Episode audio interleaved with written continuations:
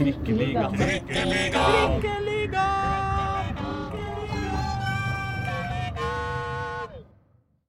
Velkommen til Trikkeligaen sesong 2, episode 17. Eller kanskje burde sagt kalt det 16B. Det er en slags ekstraepisode, for i dag er det fredag. Og på søndag er det ikke noe hvilken som helst forbanna søndag. Det er sjølveste seriestart 2021, og det tenker vi å feire med en bonusepisode av din favorittpodkast om Oslo-fotball. Ok, det er kanskje den eneste, men da må vi i det minste være best. Vi skal snakke om Vålerengas sjanser i Eliteserien i år. Hvor bra kan det gå? Hvem er hva lagets styrker og svakheter? Hvordan ligger de andre laga an? Og alt det greiene her. Jeg heter Aslak Borgersrud, og med meg her i studio har jeg en anstendig chunk av sportsredaksjonen til Dagsavisa, faktisk. Så velkommen til Pål Karstensen, Takk for det. Takk. Jørn Skjerpe Takk, takk. og Reidar Anton Hjert- Solli. Hjertelig takk. Yes, Jeg lurte på om vi kanskje skal begynne med deg, jeg, Pål Karstensen. For denne uka så satte du opp eh, en sånn treningskamptabell. Det er en gammel klassiker i eh, norsk sportsjournalistikk, eh, spør du meg. Som, som ufortjent får mye kjeft, eh, selvfølgelig. Har vi lært noe av treningskampen i år, eller? Nei. Det har jo vært veldig vanskelig eh, altså med korona, med et veldig intensivt kampprogram, Eh, mye, mye spillere ut og inn, så er det jo eh, Mange lag har jo bare spilt to treningskamper pga. koronaen. De kom jo ikke i gang.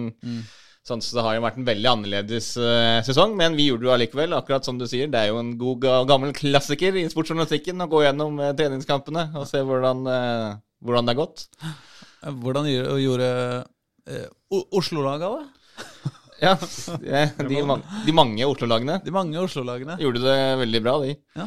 Eh, det er eh, fordi det er så ulik kamp Altså mange kamper de har spilt, så har vi jo satt det opp på Du regna det ut på, basert på et sånt snittpoeng.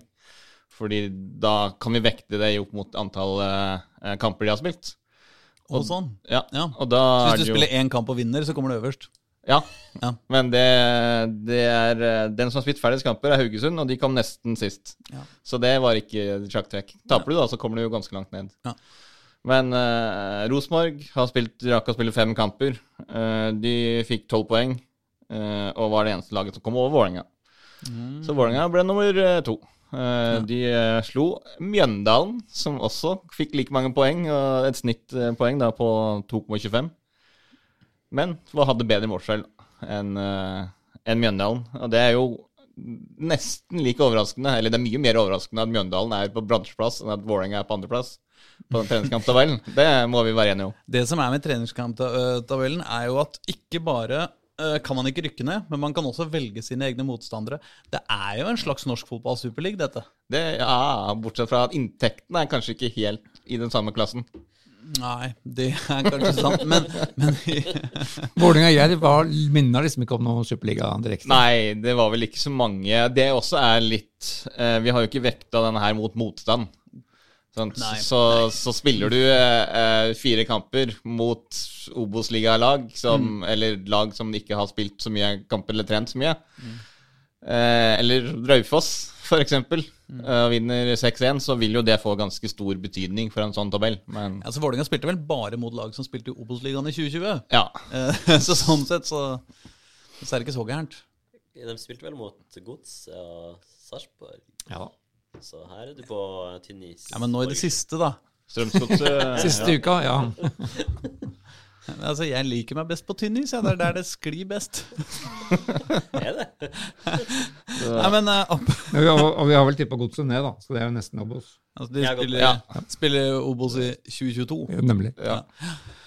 Uh, og så lurer Obos på hvorfor de blir litt uglesett i, i Oslo om dagen. Vet du, når de, altså, når de, det er klart Når du eh, sponser mm, det stedet ingen vil havne.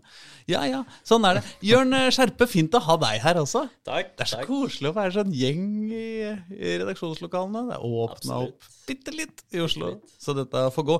Men du eh, eh, ah, eh, Hva er det som er eh, Vålerengas eh, svake sider i år? Eh, Fagmo har vært mye inne på det sjøl, at elveren ser jo veldig sterk ut. Men så er det bredden. Det er vi vel alene i at uh, der Hvis det kommer en skade eller to, så kan det plutselig bli tynt. Ja, men Spesielt, det kan jo ja, spesielt backplass, stoppeplass kanskje. ja. Ja. Offensivt har man jo litt dekning, i hvert fall. Ja, så det er klart at Hvis du sier at det er 4-3-3, og du har god dekning på begge de to treerne, så har du jo sånn. Så så er jo bare, det er jo bare 40% av stallen du har dårlig dekning på. ja, det er et godt poeng. Sånn sett er det ikke så gærent. Men, eh, men eh, da har det jo kommet inn noe Det, det, det svirrer jo noen rykter. Overgangsvinduet er fortsatt åpent, eller det er jo på en måte ganske nylig åpna. og det er vel åpent en eh, uke, halvannen til, er det ikke det? Det stenger på onsdag. Ja, om en uke. Fra neste, ja. Onsdag. Kommende onsdag. Ja, Til Nys. Samme kveld som Vålerenga spiller mot Brann i Bergen. Men kan vi da eh, tro på at det kommer inn noe mer, eh, kanskje for å styrke dette forsvaret? Eh, ja, forrige gang var dere vel inne på Mikkelsen Mikkelsen. Ja, Eh, Nico eh, fra Godset. ja Jørgen Ingebrigtsen Jørgen var jo inne på det. Ja, han var ikke, han var ikke akkurat direkte avvisende til tanken, Nei. eh, for å si det sånn. Og i tillegg så svirrer jo litt rykter rundt norsk-luxemburgske Lars Krogh Gerson. Var det det vi ble enige om, Pål, uttalelsesmessig? Det Gerson. ja, Gerson. Gerson var det i hvert fall. Ja. Som er stopper, da. Nettavisen skriver om han uh, i dag, ser jeg. Um, så Fagermo har jo vært inne på at han har veldig stor tro på Brage Skaret, men hvis de ser på en stopper, så kan det hende de føler det trengs litt mer erfaring der. Ja. Um, Oskar Oppsal er jo eneste alternativ på venstrebekken. Ung, uerfaren. Og når Felix Horn Myhre forsvinner i sommer, så blir det jo også tynt bak eh, Borchgrevink. Litt avhengig av Aminori og hva som skjer der, da, selvfølgelig. De må ha inn, eh, de må ha inn noen på backplassene. Eh, nå gikk jo eh, Fagmo veldig høyt ut og sa at Aminori aldri skal spille under han i Vålerenga i fjor, og ble lånt ut på direkten. Så det kan jo være Sa han virkelig at han aldri skal spille ja, så kasta han jo rett under bussen med første trening som jeg var på. Var, han ville satse på yngre talenter, da. Ja da. Ja, Og det skjønner jeg jo skjønner jeg godt, men nå er en av de yngre talentene som han har lyst til å bruke, forlat, vil jo forlate klubben for å spille på midtbanen i Brann. Eh, og det blir jo et problem for, uh, for Vålerenga. Hvis de får en skade på en av de, så, så er det jo tynt. Spesielt bakover i forsvar. Felix Horn Myhre ser jo ut til å nå Altså, Brann ville kjøpe han ut allerede fra nå. Uh, Vålerenga sier nei, det går ikke. Vi veit jo ikke om det kan, kan være det skjer noe der som Jørgen ikke har fortalt oss om, men, i utgangspunktet ser det jo ut som Felix Horn Myhre får noe så deilig for en fotballspiller som sommerferie. Uh, fra, er det fra 1. juni til 1. juli, eller er det fra 1. juli til 1. august? Eh, hvor han vel ikke kan Altså, For kontrakten hans går vel ut før overgangsvinduet åpner. Ja. Så han, kan jo ikke, måned- han kan jo ikke begynne å spille i Brann før eh, overgangsvinduet åpner. Nei, han får en måned, fordi du får ikke registrert han før nye overgangsvindu åpner. Så han får en måned ferie fra juli til august. Men han får lov til å trene med dem, eller?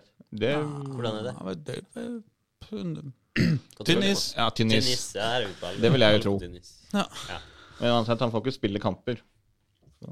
Ja. Og hvis uh, Aron Dønnum forsvinner, så har man jo en slags Da kan Lajoni gå på høyre, vel, i teorien, og Ja. Christensen Sarawi kan begge spille oppe på venstre. Sidi Jatta kan Sidi jo Jatta plutselig få gjennombrudd Ja. i år. Han har vært veldig god på, på i, i oppkjøringen. Han har jo tatt mye steg og er jo en uh, rask uh, spiller som kan kanskje bli årets Osame.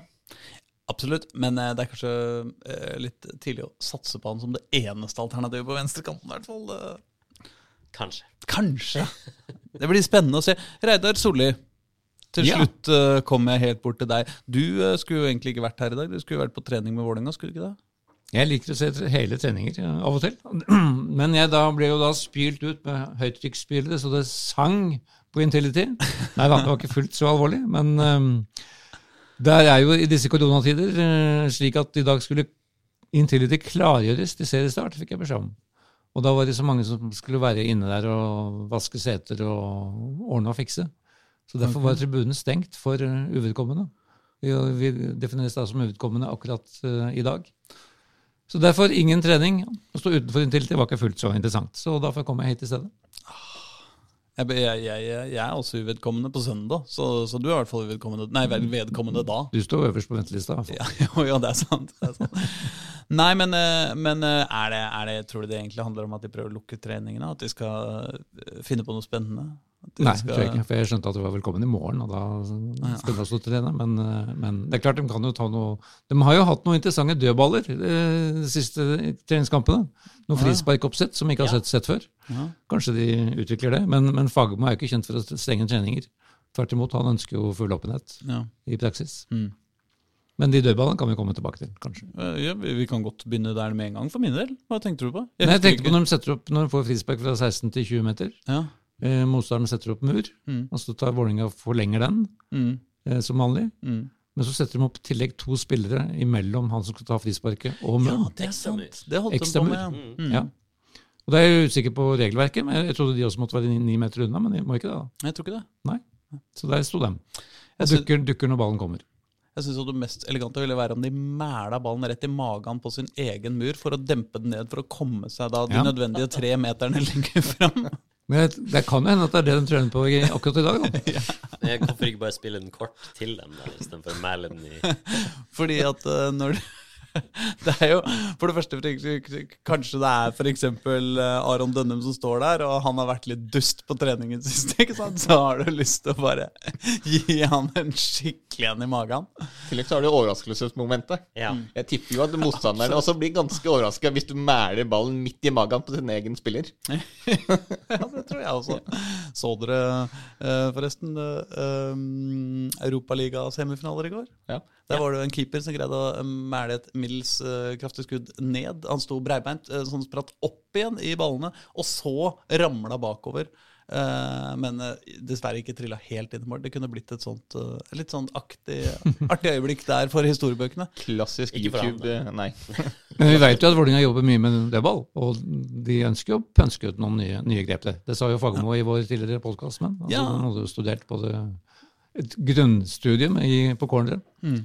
Men dette er jo da assistenttreneren som står driver med. Og så har jo Vålerenga eh, veldig klar positiv statistikk da, på, eh, på corneret i fjor. Ja. Eh, Jeg husker ikke akkurat hvor mye det var, men de skårer mye mer enn de slipper inn. Og det er jo hyggelig.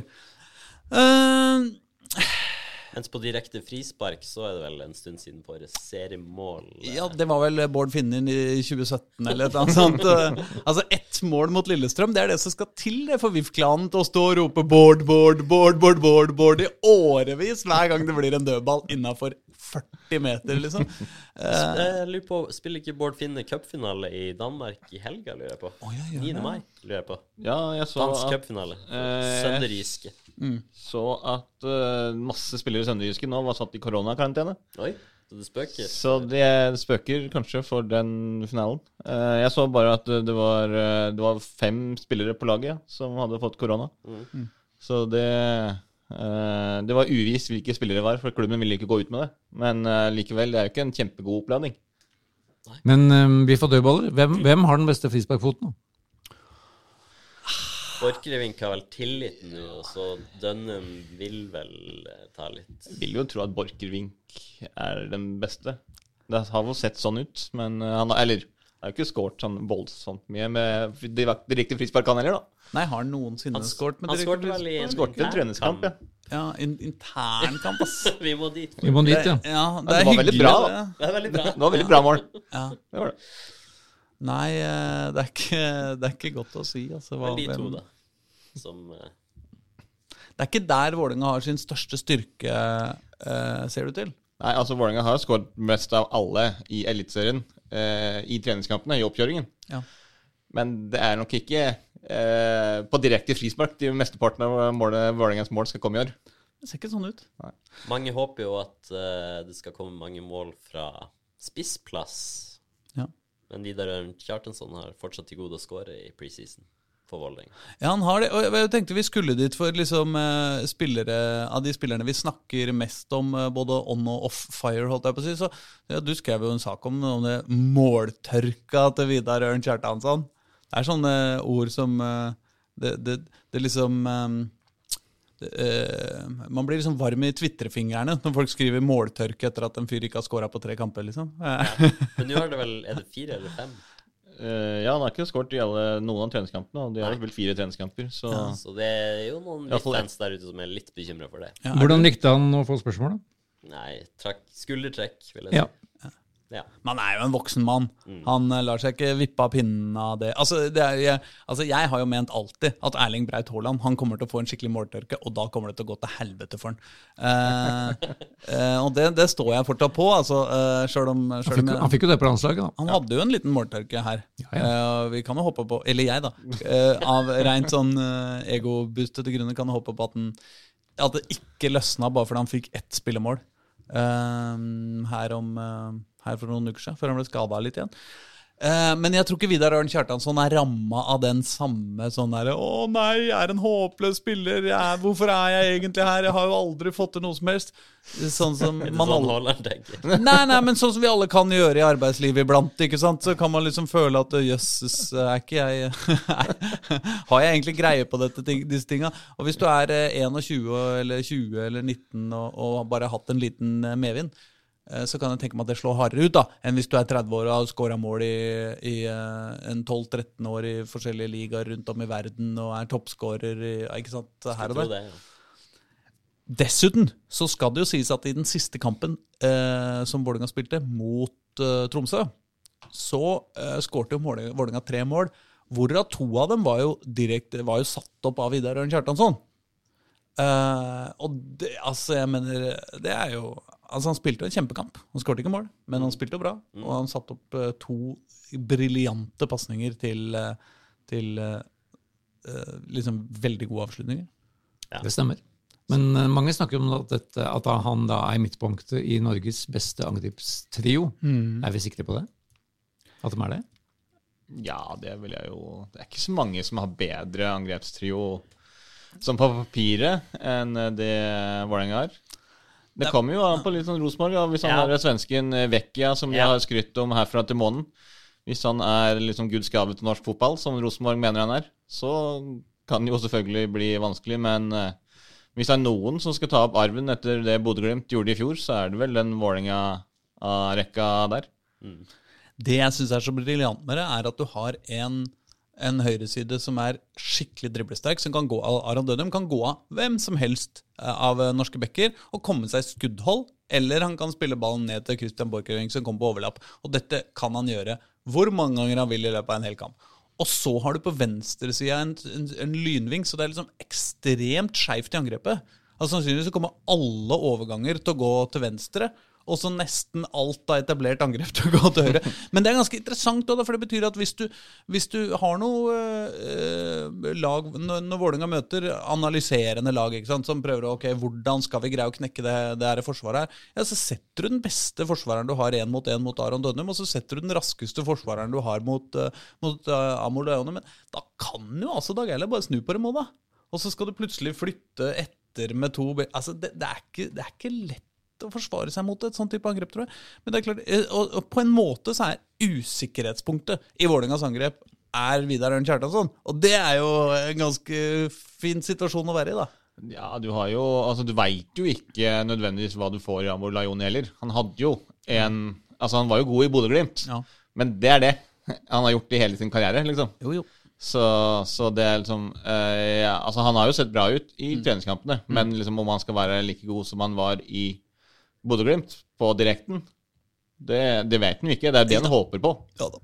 Så Dette får vi veldig no, kanskje noen første svar på mot Rosenborg på søndag. da. Vi får jo håpe det. Det er jo tøffeste motstand de har så langt i år.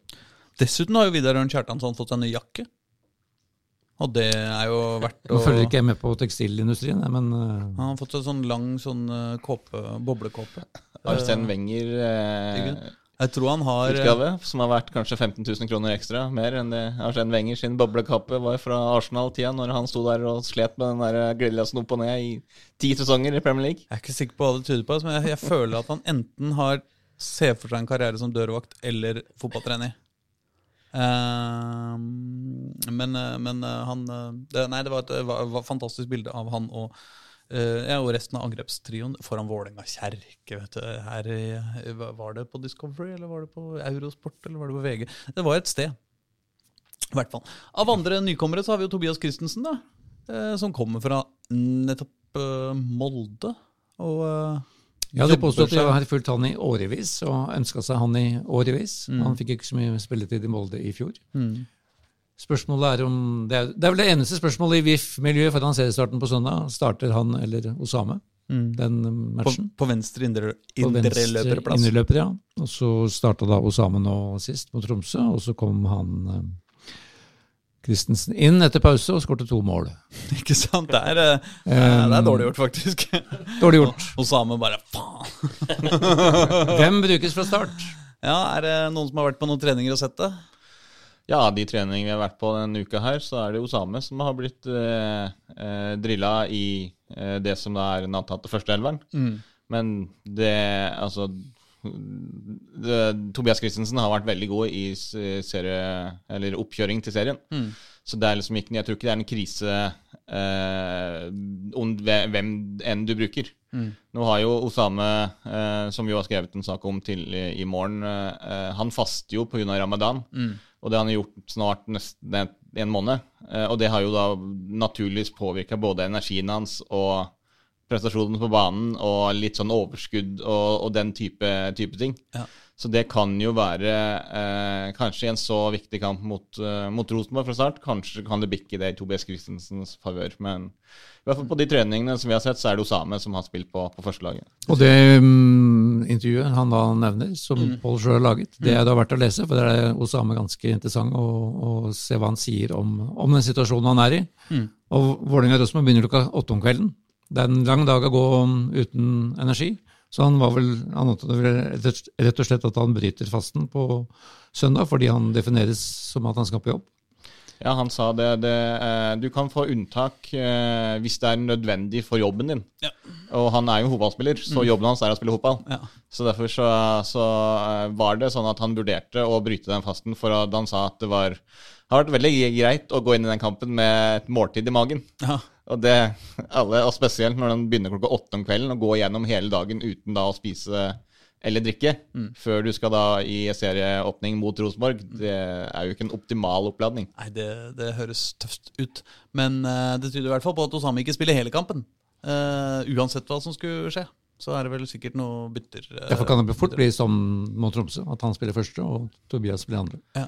Hvis han da gjør det akkurat samme, og Osama spiller første gang, og så kommer Tobias Christensen og skårer to mål, og så vinner Vålerenga, så tror jeg alle er fornøyd. Sannsynligvis. Ja, ja, eh, i hvert fall hvis, hvis det ender med at Vålerenga vinner. Da. Altså, Ja, ja. Jeg, tror ikke, jeg, jeg tror ikke det er så mange som kommer til å være fornøyd eh, etter 4-3. Eh, eller altså 3-4. Og Hareide er nok fornøyd. Ja, jo, jo. Men han teller ikke! Nei. det det, det må du ikke glemme. Ja, er, er det noen eh, Altså, det store spørsmålet er jo da hvor bra gjør Vålerenga det i år? Vi har jo hatt noen tabelltips i avisa de siste, de siste dagene. Det har vi. Vi har jo tatt lagdel for lagdel. Mm. Vi går ikke inn i tung dybdeanalyse av hvert enkeltlag nå, men det skal jeg ta remsa nedenfra. Ja, kan du Til et visst stykke, så trenger vi ikke å mene så mye om dem. Ja, men vi kan komme med litt sånn syrlige stikk her og der til de som kommer langt nede. Det kan vi gjøre. 16 og sist, og rett ned, Strømsgodset. Unnskyld. Det er, vel ingen lag, det er vel ingen lag i norsk fotballs historie som har mista trener, sportssjef, daglig leder og styreleder tre uker før seriestart. Nei, Og det, spiss, da, eh, noen uker før det igjen. Ja. Altså så langtidsskade. Uh, ja, nei, det ser eh, Og så bli valsa over av et lag som spilte i Ja, hva heter de divisjonene nedi der igjen? Ikke sant? Eh, I Post Nord-ligaen i 2020. Eh, blir valsa over Var det 6-1? 6-2? 6-1? ja, på hjemmebane. Altså, det Riktignok så er Fredrikstad litt sånn on fire om dagen, men, eh, men eh, det ser ikke særlig bra ut. Men enda morsommere, Ja. Også ned, nummer 15, Brann fra Bergen. Ja, koser deg, Atlak. Dette er vanskelig. Ikke, jeg, jeg prøver å ikke være usympatisk. Men jeg er vel det eneste, så vidt jeg har kunnet se, som har dem på direkte nedrykk.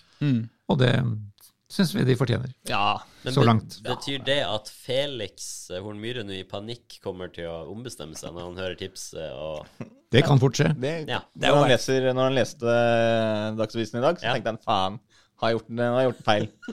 Så nå kan hende han ombestemmer seg og blir værende. Og da løser jo det Viking. Da løser det Ja, det løser Vålerengas uh, backprogram. Men av alle mulige rekorder og eh, på en måte quiz-spørsmål eh, man kan eh, spare seg opp i løpet av livet, så kan jo Felix Horn Myhre risikere å Altså, Det er jo ikke direkte usannsynlig da, at han både får medalje og ryker ned i samme sesong. Og det er jo hyggelig.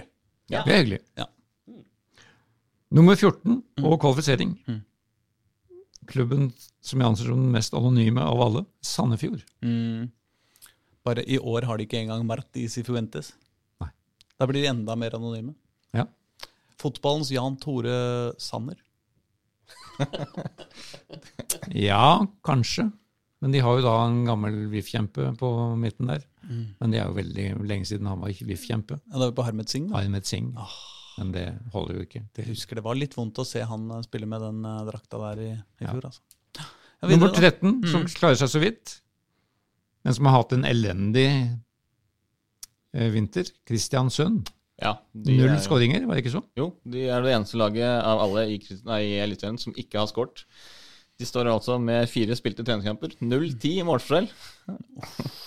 Og de har ett poeng fordi de spilte 0-0 i én kamp. Altså eh, det- ser blytungt ut. Det, det gjør det. Nå henta de jo De henta hjem Torgill Gjertsen, som har vært i Kristiansund tidligere. Som har vært en god spiller der. Men eh, Nei, altså basert på treningskamptabellen og det de har vist nå, så ser det veldig mørkt ut for Kristiansund. Og så har de fist, fortsatt Fisnik Kasrati, da, som løper rundt og slenger noen stygge ord av og til, og det syns vi er morsomt. Flammer. Flammer. Hva sa jeg? Fisnik. Det var Bror. Feil. Flammer, Mange av de, vet du. Ja, ja, Lett å det ta er mange av dem. Flammer, mente jeg selvfølgelig. Den tidligere Skeid-kongen.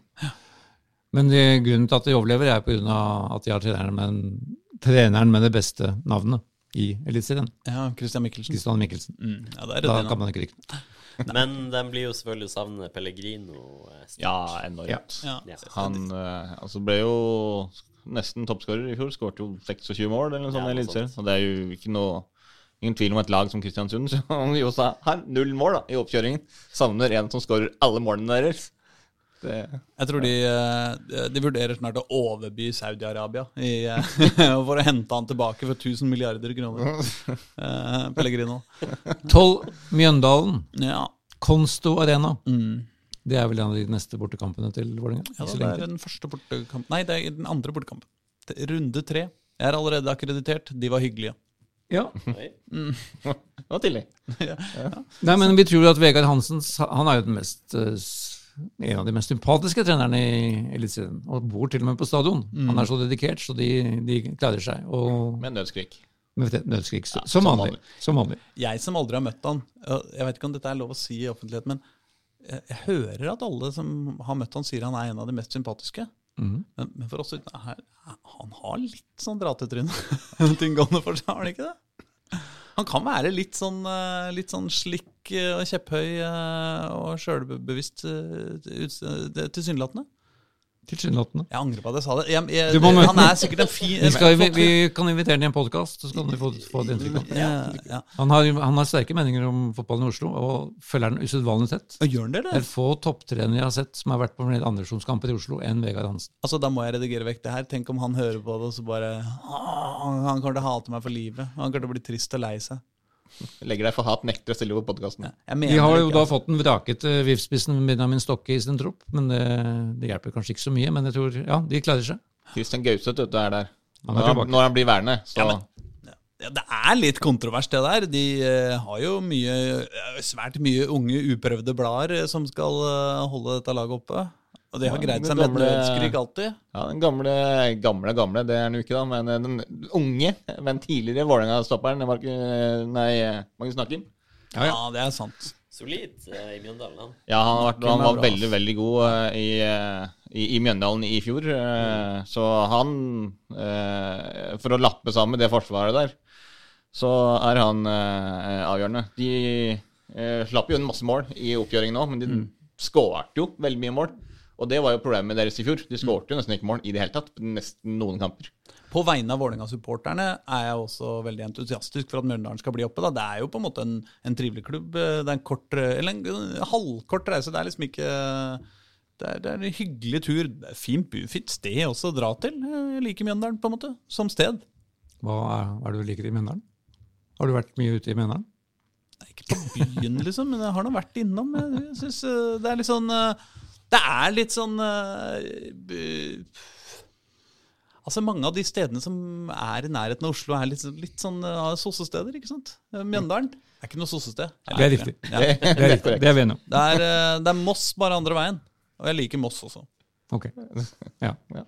Nummer Det er mulig jeg var ene aleine om dette her, men eh, Det er- på tynn is igjen nå. ja. Nei, nei, nei. Her, her, på dette med, med treneren så var jeg på tynn is, men eh, akkurat om Mjøndalen, der er jeg trygg. Nummer 11, rett fra Obos-ligaen. Tromsø. Som da slo Vålerenga 4-3. Ganske Vålingas, overbevisende opptreden. Vålerengas første tap på to år, er ikke det? På Ja, på, på Intility. Ja. Ikke to år, da, men uh, lenge. Det var fart i det angrepet der. Det var det. Var det. Mm. Ikke så mye å si om Tromsø, egentlig. De har jo solgt uh, midtstopperen sin til en konkurrent i Stabæk. Det er litt pussig. Simen Wangberg, kap, nei, ikke kaptein, det er vel Røbben Utgaard Jensen. Men eh, likevel, det er jo litt merkelig tre dager før seriestart. Særlig når de allerede er betraktelig bedre offensivt enn defensivt. Ja. Ti, Stabæk. Vi kan ikke holde på med Tromsø så lenge. Nei. Kan ikke holde på med Stabæk så lenge heller. Ja, de har jo henta Simen Wangberg, da. For å, Det er glidende overgang her. men men eh, de er jo. Og Herrelin Sjala kan vi vel nevne. Ja, Hjelm og Iden henter de tilbake fra utlandet. Altså, det er mye spennende ungt. I, I tillegg så har vi jo selvfølgelig, må vi nevne Kjønne, som jo Ja, er der ja. som assistent. Ja, tidligere Grorud-treneren, som har eh, Det var vel det første eksterne intervjuet vi hadde på denne podkasten, var det ikke det? da? Jo. Ja. Så mye, mye spennende ungt talent som vanlig. Og så spørs det jo hvor mye han får ut av de, Janne Jan Jønsson. Og det som regel pleier det å være akkurat nok til å berge plassen. Ja, men altså i fjor så var, altså, de, De hadde jo mye spennende spillere i fjor òg. Mye, mye bra, mye kvalitet og mye talent og mye alt mulig. Ja, det. Men det fikk de jo ikke til, da. Kanskje det er Janne som har tapt seg? Alan, Alan Sinjo er han tilbake. Ja, Alan Sinjo er- gjør comeback sammen med Vegard Pall Gunnarsson. Dette er jo reserve-VIF, da. De, jo, de er jo basert på at Markus Sandberg har en sterk sesong i mål. Han Ja. har jo vært god Ja. der. Han er jo en av ligaens beste keepere. Han er dårlig keeper, han. Og jeg nevnte Hedulin Sjala, vil sikkert eh, vil se igjen. Og Fitti Masemi. Fitte Basemi. Kanskje han eh, før eller siden skal slå til i en klubb etter at han var i Bodø-Glimt for mange, mange år siden. Og så har vi da noe Oliver Edvardsen, da, som var fra i Grorud, og også tidligere VIF. Skulle til USA på college, og så rett før det skjedde, så gikk han til Stabæk i stedet. Men eh, i motsetning til Christian Thorstvedt, som gjorde akkurat det samme, så har ikke han da gått, på en strålende utenlandskarriere ennå. Nummer ni. Opprykket fra Obos-liga. Mm. Øst for Oslo. Lillestrøm Så, sportsklubb. så, så koselig for dem. Ja. så det er altså darbyene, Nei, darbyene, det heter det ikke. Men uh, hatoppgjørene. Et av de få i norsk fotball. Mm. Vålerenga-Lillestrøm tilbake. Mm. Og grunnen til at vi plasserer den på niendeplassen, er vel akkurat at hva i all verden skal vi snakke med dem om? De har jo mye opp, altså, offensive kvaliteter, da. Så de henta inn uh, Pål André Helland, henta Kent Håvard Eriksen fra Sandnes Ulf. De har, altså offensivt så er det Så har de henta mange Kanskje litt i slutten av sine karrierer, men allikevel, det er mye spennende der hvis du får det til. De fikk jo signert han som var der i fjor, Kein Karin, eller hva han heter for noe. Ikke han fra Bibelen, men mm. Men han var også veldig bra for, for Lillestrøm i fjor. Så det, det, altså, hvis de får satt det laget der, så, så kan det bli, eh, blir interessant å, følge de. Også. Det mest spennende synes jeg med Lillestrøm-Vålerenga, eh, det oppgjøret, er jo at forrige gang eh, de to lagene møttes, så var det jo ekstremt hatsk eh, stemning. Det var jo blussing, det var antydning til slåssing, det var kampen ble stoppa underveis. Eh, Sikkerhetssjefen i NFF eh, lagde en meme-verdig forestilling hvor han løp ut på banen og vifta med henda som om det var han som var dommer. Altså Det var veldig mye som skjedde, og det var veldig høyt aggresjonsnivå. Siden har de jo ikke spilt, så de har jo ikke spilt mot hverandre i koronatida. Spørsmålet er hvordan blir det med liksom ekstremt aggressive casuals med munnbind og så står med to meters avstand og, og bare får lov til å være 200 personer? Ja. Det lurer jeg på. Får de lov til å være 200? Det får vi kanskje. I hvert fall i, eh, eh, på Åråsen eh, er det vel all grunn til det, å tro det. Ja vel. Ja. Har ikke de åpna i Viken for eh, eh, Det blir vel publikum i Viken? Det er vel det samme. Det er fem A og fem B-kommuner som ikke får lov til å ha publikum, tror jeg. Oh, ja. Men det er jo Det kan jo hende at de har 200, og så er det jo noen andre regler med tre kohorter med 200 ganger tre, og så er det Det, er, Ja. det kommer jo med nye regler hver eneste dag, så det, vi får bare vente og se hvem som dukker opp. Ja. Pål André Helland er vel en kar som kan sette litt fyr på dette oppgjøret da, i opps, oppsnakkingen. Jeg spurte jo Fagermo om han kunne vurderte Vålerenga å hente Helland, som da åpenbart var borgere. Men som han sier, han henter jo ikke gamle halvskada spillere Reserver som ikke kan trene. Ja. De har ikke noe i vi får gjøre. var budskapet hans. Nei, Jeg tror ikke, jeg tror ikke Helland kommer til å funke så bra i uh, Lillestrøm, uh, jeg, for min del. Men uh, dette er bare tipping.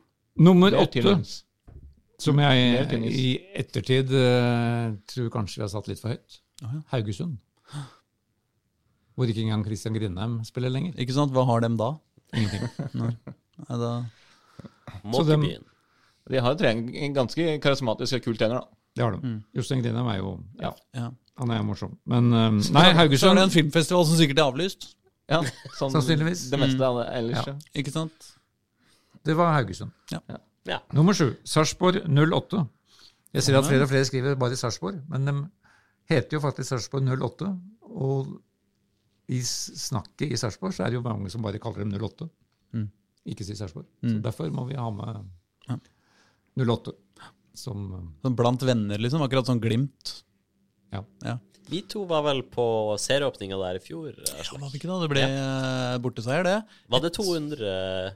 Lå med 200? Ja, det tror jeg det var. Stemmer. Eh, jeg mener det var Aron Dønnem jeg, som skårte det målet Ja, stemmer det. for uh, Vålerenga. Litt sånn tup. tilfeldig eh, Ja, det var en sånn tupp, ja. Men eh, det er veldig hyggelig å, å være der, da. Absolutt. Mm, vi spiste god pizza og hyggelig betjening og Nei, alt som var. Nummer seks. Odd. Det stopper så fort når man bare sier Odd. Før hørte vi Odd, Odd Grenland. Det var liksom litt mer å snakke om, men Odd. Hva skal vi si om Odd? Vi skal vel si Bakenga? Skal vi ikke si det, da? Jo. Eh, det er jo henta inn fra Vålerenga. ja. De aller fleste Han kom, Du vinner ikke noe seriegull eh, ved å hente Magnus Lekven i 2021, tror jeg, da. Nei, men, Men, eh, eh, det har vi jo heller ikke sagt at Odd skal gjøre. da. Nei. Så Jonathan Tollås, etter at VIF slo Odd på Intility, hvor mye ble det? Ble ikke det uavgjort, det? Ble det uavgjort? Jeg mener at uh, Det ble kanskje, men i hvert fall ja, fall fikk vi jo skikkelig juling borte, på, Ja, ja. borte i Skien. men Tollås beskrev Odd som et Vålerenga uten krydderet, på en måte. Et slags mm. Vålerenga uten ekstremkompetanse offensivt. Mm. For det er jo mye likt, selvfølgelig, med, etter mange år med Fagermo der. og... eh, Men jeg mener, Odd overpresterte jo i fjor, på en måte. De spilte jo bedre enn alle hadde forventa i fjor. Mm. eh, til siste eh, to månedene, eller siste måneden, eller noe sånt, hvor de begynte å falle litt av. Eh, men det er klart at eh, han der Bakenga, vet du, hvis han virkelig har fått det til å sitte igjen, så kan jo han være en fyr som kan lukte på toppskårertittelen, han i Eliteserien. Altså, han er jo en, en av en, eh, en av liksom sin generasjons absolutte toppspillere i norsk fotball. Det er ikke noe tvil om. Og han er ikke så gammel heller. Han bare har hatt en veldig rar karriere. Mm. Men bortsett fra, hvis ikke han sitter, da skal det mye til, skal det ikke det? Veldig mye til. De fem beste er da, har jeg fant ut i dag, har Dagsavisen og Aftenposten identisk. Helt like. I rekkefølge, altså. Er det et godt eller et dårlig tegn? Ja, det, det, er, det er da faren til han som vi hadde som gjest her for et par uker siden, som har satt opp det tipset i Aftenposten. Årvolds store høvding, Lars Kjernås. Da havner vi i nummer fem, Viking. Og der har jo Pål spisskompetanse fra sine mange år i Stavanger. Det er uh, veldig uh, optimisme å spore i eh, Stavanger nå etter at de fikk hjem Slatko Tripic. Ja. Det er liksom den beste signeringa de har gjort på ikke, Gud vet hvor lenge. Kanskje siden Magnus Svensson sine dager. Men altså for oss som ikke husker han så godt, hvor bra er Slatko Tripic? Slatko Tripic er en veldig god Han er en veldig god fotballspiller, men det som er enda viktigere med Slatko Tripic, er både måten eh, han leder klubben på. Eh, altså han Lederegenskapene hans. Altså måten han tar tak i, styrer ting og tang. Også på banen. Og på, på, på trening, for å få opp intensiteten, kravene, alt det der som skal til for å være, være bra. Og i tillegg så er det en annen ting som også er veldig viktig med Slatko Tripic. Han tar av presset for alle andre spillerne i klubben. Eh, å si både med tanke på eh, eksterne omgivelser, men også på banen. Fordi det er jo eh, Mye av spillet går jo rundt Slatko Tripic, og han blir jo lagt i bakken hele tiden, så han kan liksom spille på seg press, skaffe frispark, få på gule kort på motstanderne. Så bidrar han jo med mål og målpoeng selv. Sant? Så forrige gang så tok han jo han kom jo inn og tilbyr seg selv å spille for Vålerenga, nei, Viking, Viking, i den tida. Eh, leda de til opprykk og cupgull, før han da dro til utlandet og fikk tjent litt penger. Og nå er han jo tilbake igjen, og eh, mange kan jo si at liksom, det, du bør aldri komme tilbake igjen, fordi altså, det kan ikke gå bedre enn det gjorde forrige gang. Ja. Men det er jo liksom spillere som kanskje er gjerne sånn 33-34, kommer tilbake igjen på slutten av sine karrierer. Eh, Slatko er jo ikke så gammel. Så, uh, så Men det, men det er vel også motspørsmålet. Han hadde ikke da noen stor sesong når han forlot Norge, som så mange andre norske spillere. han har ikke vært så dårlig heller. Han har vært helt grei. Ikke, okay. ikke, ikke, ikke sånn kjempeflopp, men Nei. han ble vel matchvinner i den siste store fotballkampen som er spilt i Norge, da, med fulle tribuner. Ja. Cupfinalen i 2019. Ja, og det lever jo eh, Viking på fortsatt. det. De har jo vært cupmestere siden. Så Ja, det, de kommer jo til å bli cupmestere i hvert fall langt ut i neste år òg. Fordi cupfinalen spilles jo ikke før eh, på våren, eller sommeren mot sommeren neste år. Sommeren 2020, så det blir vel kanskje Ja, de vil nærme seg en norgesmester i å være regjerende cupmester. Ja, det, det vil jeg tro. To og et halvt år som regjerende cupmester. Ja, Ja, det er ganske imponerende. ass. men da må Ja. Det er veldig kjedelig for de som vinner da i 2022, som kanskje da blir cupmestere i en, fire måneder. Ja, nemlig. Hvis de da skal greie å få i gang en normal cup da i 2022. Den eneste måten å få balanse er om eh, Viking tar den også. Ja. Eh, men de har jo også signa Kevin Cabran, eksempel. og- Ja, han var jo veldig i dialog med eh, Vålerenga også. Eh, om liksom Vålerenga ville jo ha Amor Lajoni, men Cabran ville jo til Vålerenga. Så, så det ble jo litt sånn fram og tilbake der. Men han har vært ganske bra i oppkjøringene. Han har jo skåret et par langskudd og litt sånt, så det som er litt spennende med den trenerkonstellasjonen som de har også, med mm. Batty, som han heter, Bjarte Lunde Årsheim eh, og Morten Jensen, er liksom at eh, begge har forskjellige spillestil, og så har det kommet til et kompromiss som ingen, vil, eh, ingen av dem vil spille. Så det blir jo også litt spennende å se hvordan, hvordan det går. Så ringte vel et Ørlandsavis meg i går med en gjentagende problem i Stavanger. Der har de stengt treningene for pressen. I hvert fall den siste før, før, før kamp, tror jeg. For de skal øve dødballer. Var, det ikke, var, var det oppe i Ullkisa hvor de stengte til og med en kamp for pressa? Ja. Det det, Ullkisa. Det var, ja, det var, var mot HamKam. Ja. Men det var ikke i Ullkisa, det var på Jeg tror det var, det var eh, eh, på Briskeby, faktisk. Ja. Altså, men de ville ikke at noen skulle se det, fordi de skulle øve på Jeg husker ikke. Og det var helt, helt eh, ellevilt. Skjønner, fått Skjønner, de veldig godt det. ja, Hvorfor skal vi se altså, Ullkisa? Må skjerme folket for det. Ja. Jeg har tro på Ullkisa, jeg. Ja. Jeg så Men det, skal vi, det tar vi til uka. Det tar vi til uka. på Ja, Ja. Nummer fire, Ja. ikke gull, Mm. som vant med 29 poeng i fjor. Ja, var det 21? En milliard. Bodø-Glimt. Jørn, hvorfor, hvorfor har vi dem på fjerde? Det er vel uh, mye på grunn av at de har solgt uh, solgt unna 60 mål, eller hvor mye er det? Det er. Sikker, Nagel, Junker, Hauge forsvant jo. Ja, så de har solgt mange målpoeng der. Ja. Og Men de det skårte jo 103 i fjor, da, så det er, det er jo fortsatt noen, noen igjen. Det var Ja. mye å gå på. mye å gå på.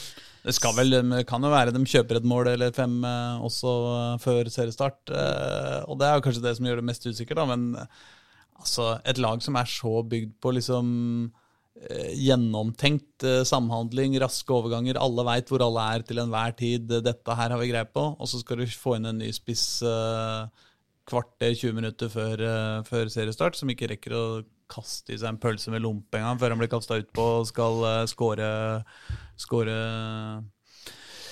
hat trick i serieåpninga mot Tromsø. Ja, Mest spennende for oss, som er litt i overkant opptatt av fotballen i Oslo, er at de har henta Eirik Botheim fra Rosenborg, som da ble regna som det største fotballtalentet i Oslo da han eh, gikk alle gradene i Lyn i, fra barnefotballen til junior. Mm. Ja, Han rakk vel ikke junior, men han spilte der i seks-sju år og var jo på besøk både i Bayern München og Barcelona. Ja. Som så på han da han var 13-14 år gammel. Så har han ikke vært on fire verken i Rosenborg eller i Stabæk. Nemlig. Da må han bli on fire i Bodø hvis dette skal kunne gjenta seg.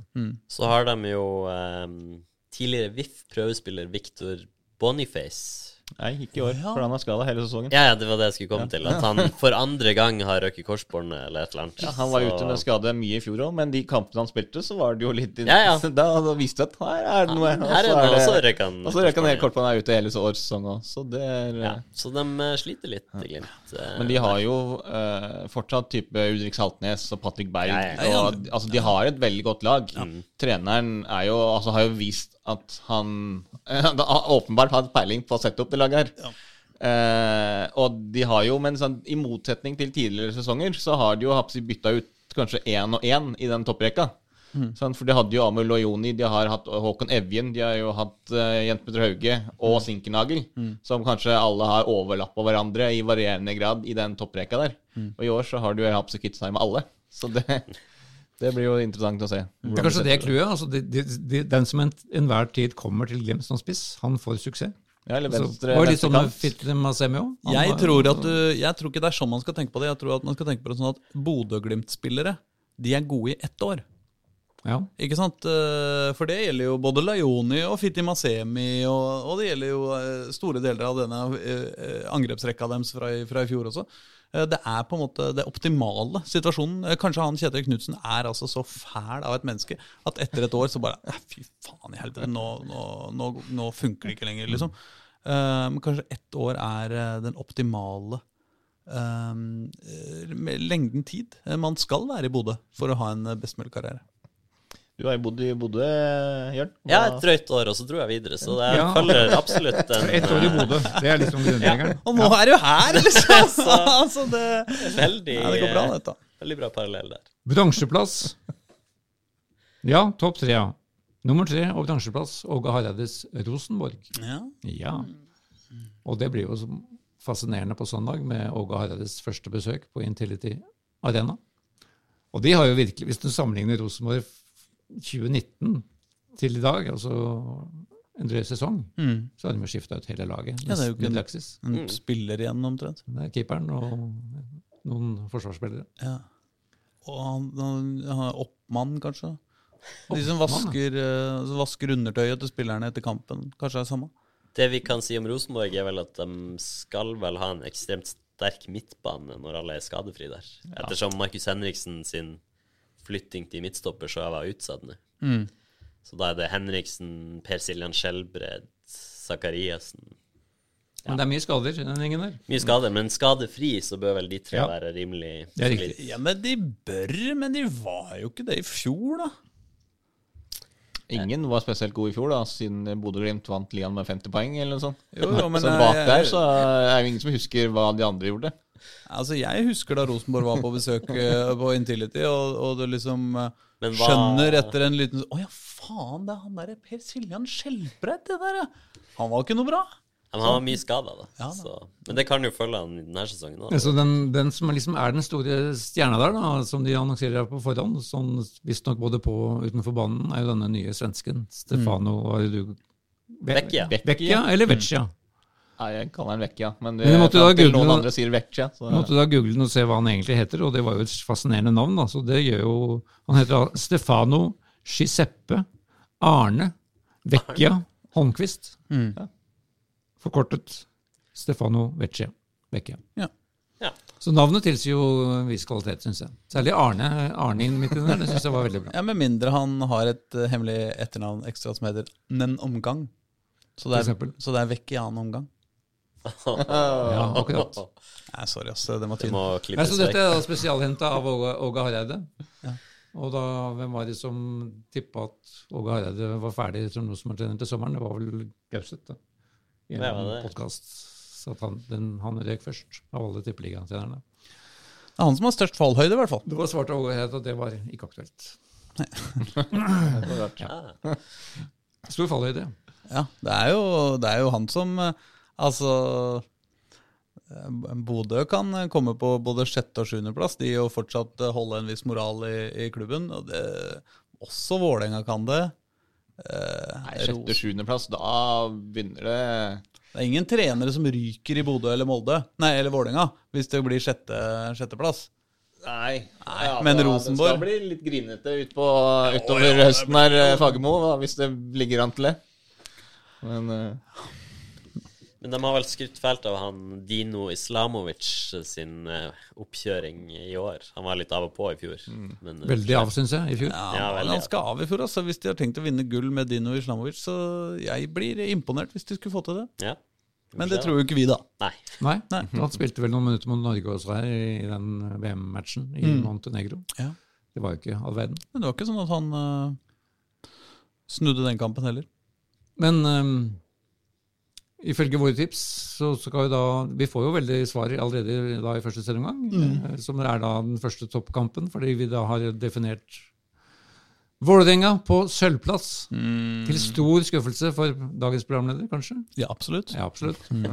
Men ehm, nøkternheten i denne sportsredaksjonen plasserte da Vålerenga på sølv. Kommentarer? Spørsmål til Reidar Solli, den erfarne og vise. Hvis VIF ikke får noen skader gjennom hele sesongen, og Aron Dønnum ikke selges, blir det gull da? Klokkerein gull. Altså, Kan jeg få lov til å argumentere? Kan, kan, jeg få lov til å presentere et motargument her? Til gull eller til sølv? Til sølv. Ja.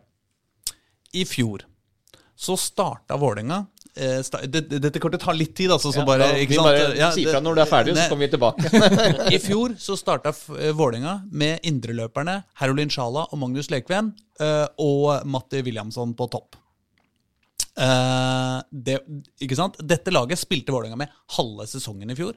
Eh, så, eh, så fikk man inn Oldrup Jensen Nei, unnskyld, så fikk man inn Henrik Bjørdal og, og Ørn Kjartansson. Og i, i andre halvdel så var Vålerenga Norges nest beste lag. Nå har Vålerenga forsterka laget betraktelig sammenligna med hvordan Vålerenga var i andre halvdel av sesongen i fjor. Man har fått bedre tid med treneren. Unge spillere har blitt ett år eldre. Vålerenga har et veldig veldig mye bedre lag enn bare på slutten av sesongen i fjor. Og sammenligna med starten av sesongen i fjor er det en helt annen verden. Og så del to av argumentet mitt. Hvis vi sier at det er fire toppklubber i Norge i, i dag, ikke sant? hvis vi sier det er Molde, Bodø, Rosenborg og Vålerenga som er de fire store på en måte akkurat nå, da. Ja, men da kan man vinne iblant. Alle disse fire kan vinne iblant. Det, ikke, det, det sier seg ikke sjøl at man ikke kan det. Ikke? Så muligheten er der. Eh, og dessuten, jeg, eh, som punkt tre i argumentet, så vil jeg si Molde de er veldig, veldig avhengig av en viss Wolf Eikrem.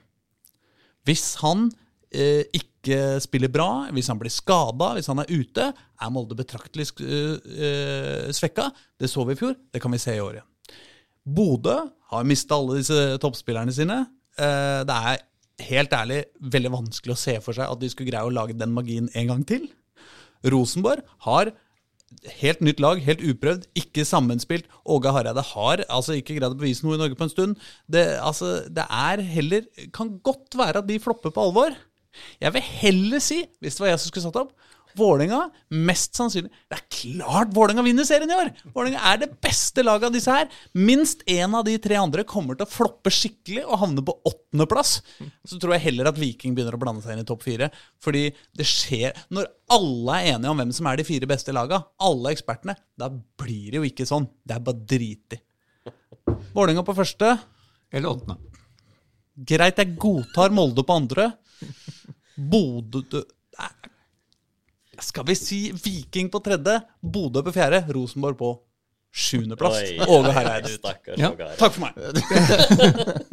Det er klart Vålerenga kan vinne serien! Vålerenga vinner serien. Hvis noensinne, så er det jo i år. Ja, men vi sa jo, nevnte jo forutsendingene eh, nettopp her, som Reidar sa klart gull til.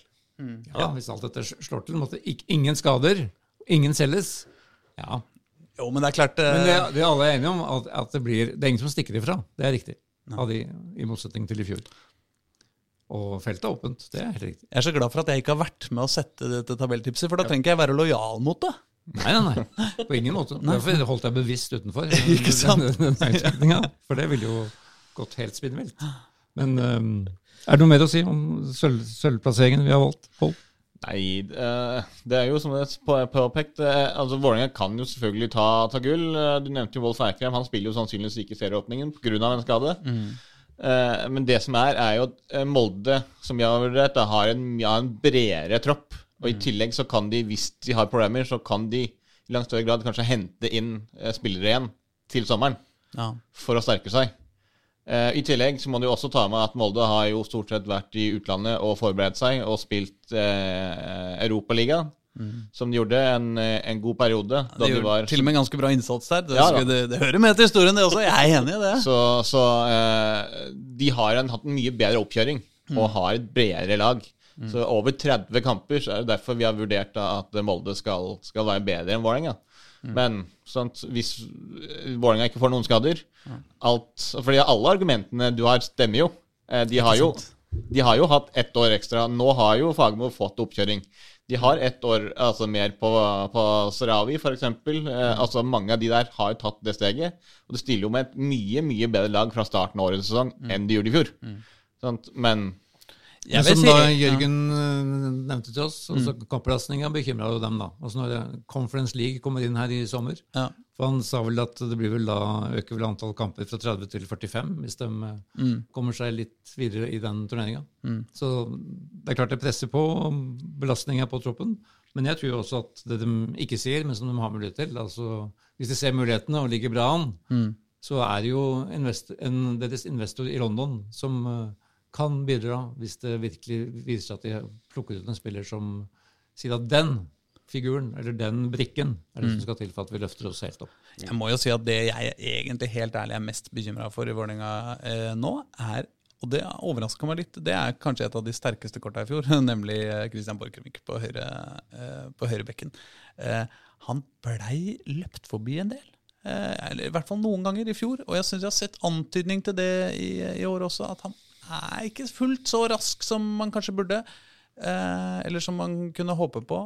Eh, og så hender det liksom at Aron Dønnum, som jo bidrar i Forsvaret, men at de, de to samarbeider ekstremt bra i angrep. Men det, de går litt i beina på hverandre i forsvar noen ganger, syns jeg. Det endte jo f.eks. med straffe eh, En litt sånn tåpelig straffe i, i kampen mot Tromsø nå, hvor, hvor eh, Aron Dønnum krasjer med en, eh, en eh, Tromsø-angriper. Eh, er liksom, eh, jeg må si jeg er litt usikker på den, eh, på den sida der. Jeg tror at hvis eh, lag analyserer Vålerenga godt før de skal møte dem, så, så setter de en Amor Lajoni på venstrevingen, og så, og så kan det være litt uh, trøblete. Så nå er du i ferd med å snakke Vålerenga ned på niendeplass, du nå, eh, hvis du fortsetter sånn. Ja. Ja. Men din, eh, din gullentusiasme, Aslak, hvis eh, Dønnum selges, som både han og omgivelsene vel tror skjer, Ja. hvordan konsekvens vil det ha for, eh, for Vålerenga? Du husker vel med gru hva som skjedde da Juke forsvant? Ja, det var fryktelig. Det var jo det øyeblikket Vålerenga bare skrudde helt av det året. Nei, men jeg tror ikke Aron Dønnum er noen i uke. Jeg tror at Aron Dønnum er fullt mulig å erstatte. Eh, men det er klart at problemet er hvis man ikke greier det. Og så skal man ha Så tror jeg i utgangspunktet det Altså fordi Jeg mener at eh, offensivt, midtbanen offensivt, så er Vålerenga helt, har helt fin reservedekning. Eh, Tobias Christensen eh, er en bra spiller, eh, åpenbart. Eh, men også Zakarias Oppsal og Henrik Udal burde være fullt i stand til å levere på et bra nivå på Eliteserien når de kommer på en måte fra å være helt på toppnivå i Obos-ligaen. Det er ikke det at det sier seg sjøl at de blir liksom profiler, men, men, men de burde kunne, kunne blande seg inn bra. Eh, Men det er klart at hvis eh, Aron ut, eh, så kan du jo fort få Laioni over, og så kan du fort få enten Sidiata inn eller Osame eh, opp eh, på venstrevingen. Men da plutselig, da har du veldig få alternativer igjen. Da er det lite å bytte og lite å, lite å variere med og, og sånn. Altså, så det, det er jeg litt mer skeptisk til. Men uh, Sidi Jatta, det er jo et herlig navn. ja, det er fint. Og Jeg syns han er imponert i alle treningskampene han har kommet inn. En drøm av en spiller å se på. Men som du sier, Vålerenga har sluppet inn mål i alle treningskamper. Det er noe med Forsvaret. altså Det, det føltes farlig hver gang Tromsø kom i angrep i den siste treningskampen. nå. Det ble det jo nesten nå. De skårte vel nesten i hvert angrep. de kom i. Ja. Og det er ikke noe godt tegn. Nei, det er ikke det. altså. så var de i kamp mot Raufoss òg, faktisk. Selv om de vant 6-1, Mm. så hadde Raufoss også ganske mange gode angrep. Ja. Så Heldigvis hadde de ikke noen som faktisk kunne sparke ballen i en retning og i en fart. Nei, Eh, det er jo en fordel. ja, Det er kanskje en del spillere i Eliteserien som har, da. ja, noen, i. Noen. Nei, Langt ifra alle. Nei. Men gull til Molde, ja. Men dem har vi vel egentlig analysert allerede. Ja. Så de topper. Sølv blir det på dem. Og det syns jeg, jeg de skal være fornøyd med. Ja. Ja. De har allerede et uh, fancy hotell, spekkhoggere som uh, danser rundt ute i fjorden, eh, en jazzfestival som ble avlyst. Altså, skal de, noen- Har de virkelig fortjent gull i Eliteserien også? Er det noen verre bortekamp i bortebane i Eliteserien enn Molde stadion for Vålerenga? Ja, ja. Resultatmessig? Ja, nei, det veit jeg ikke. Men det er jo på en måte et eh, en, Som Vålerenga-supporter så er det jo en stadion man, man reiser til med, med en nokså trygg forventning av at man taper, men da er man i hvert fall mentalt forberedt på det. Det kan man jo ikke være på f.eks. Brann stadion. ikke sant?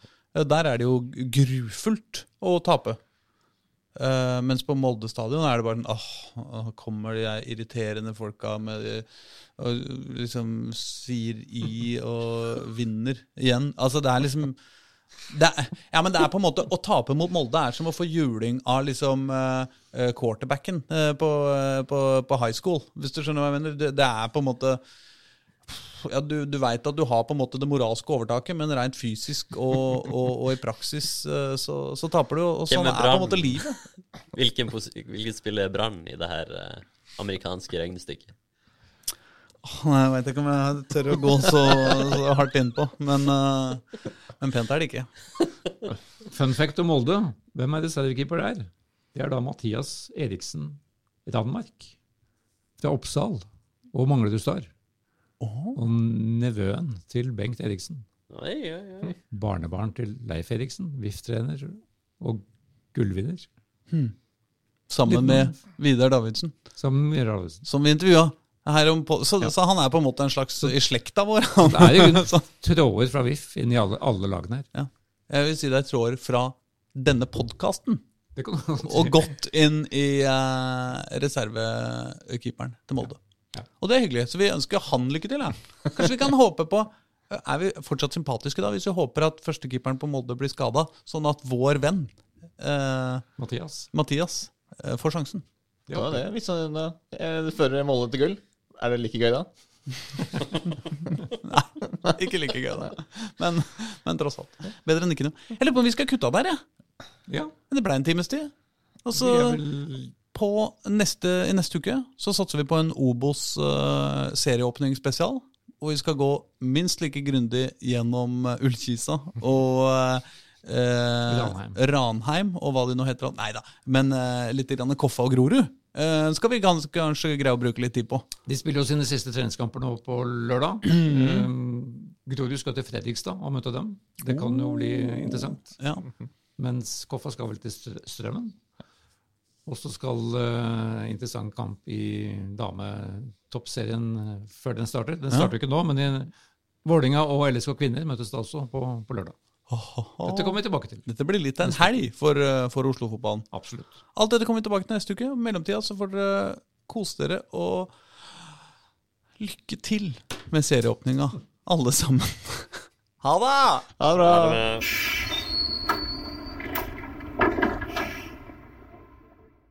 Du har hørt en podkast fra Dagsavisen.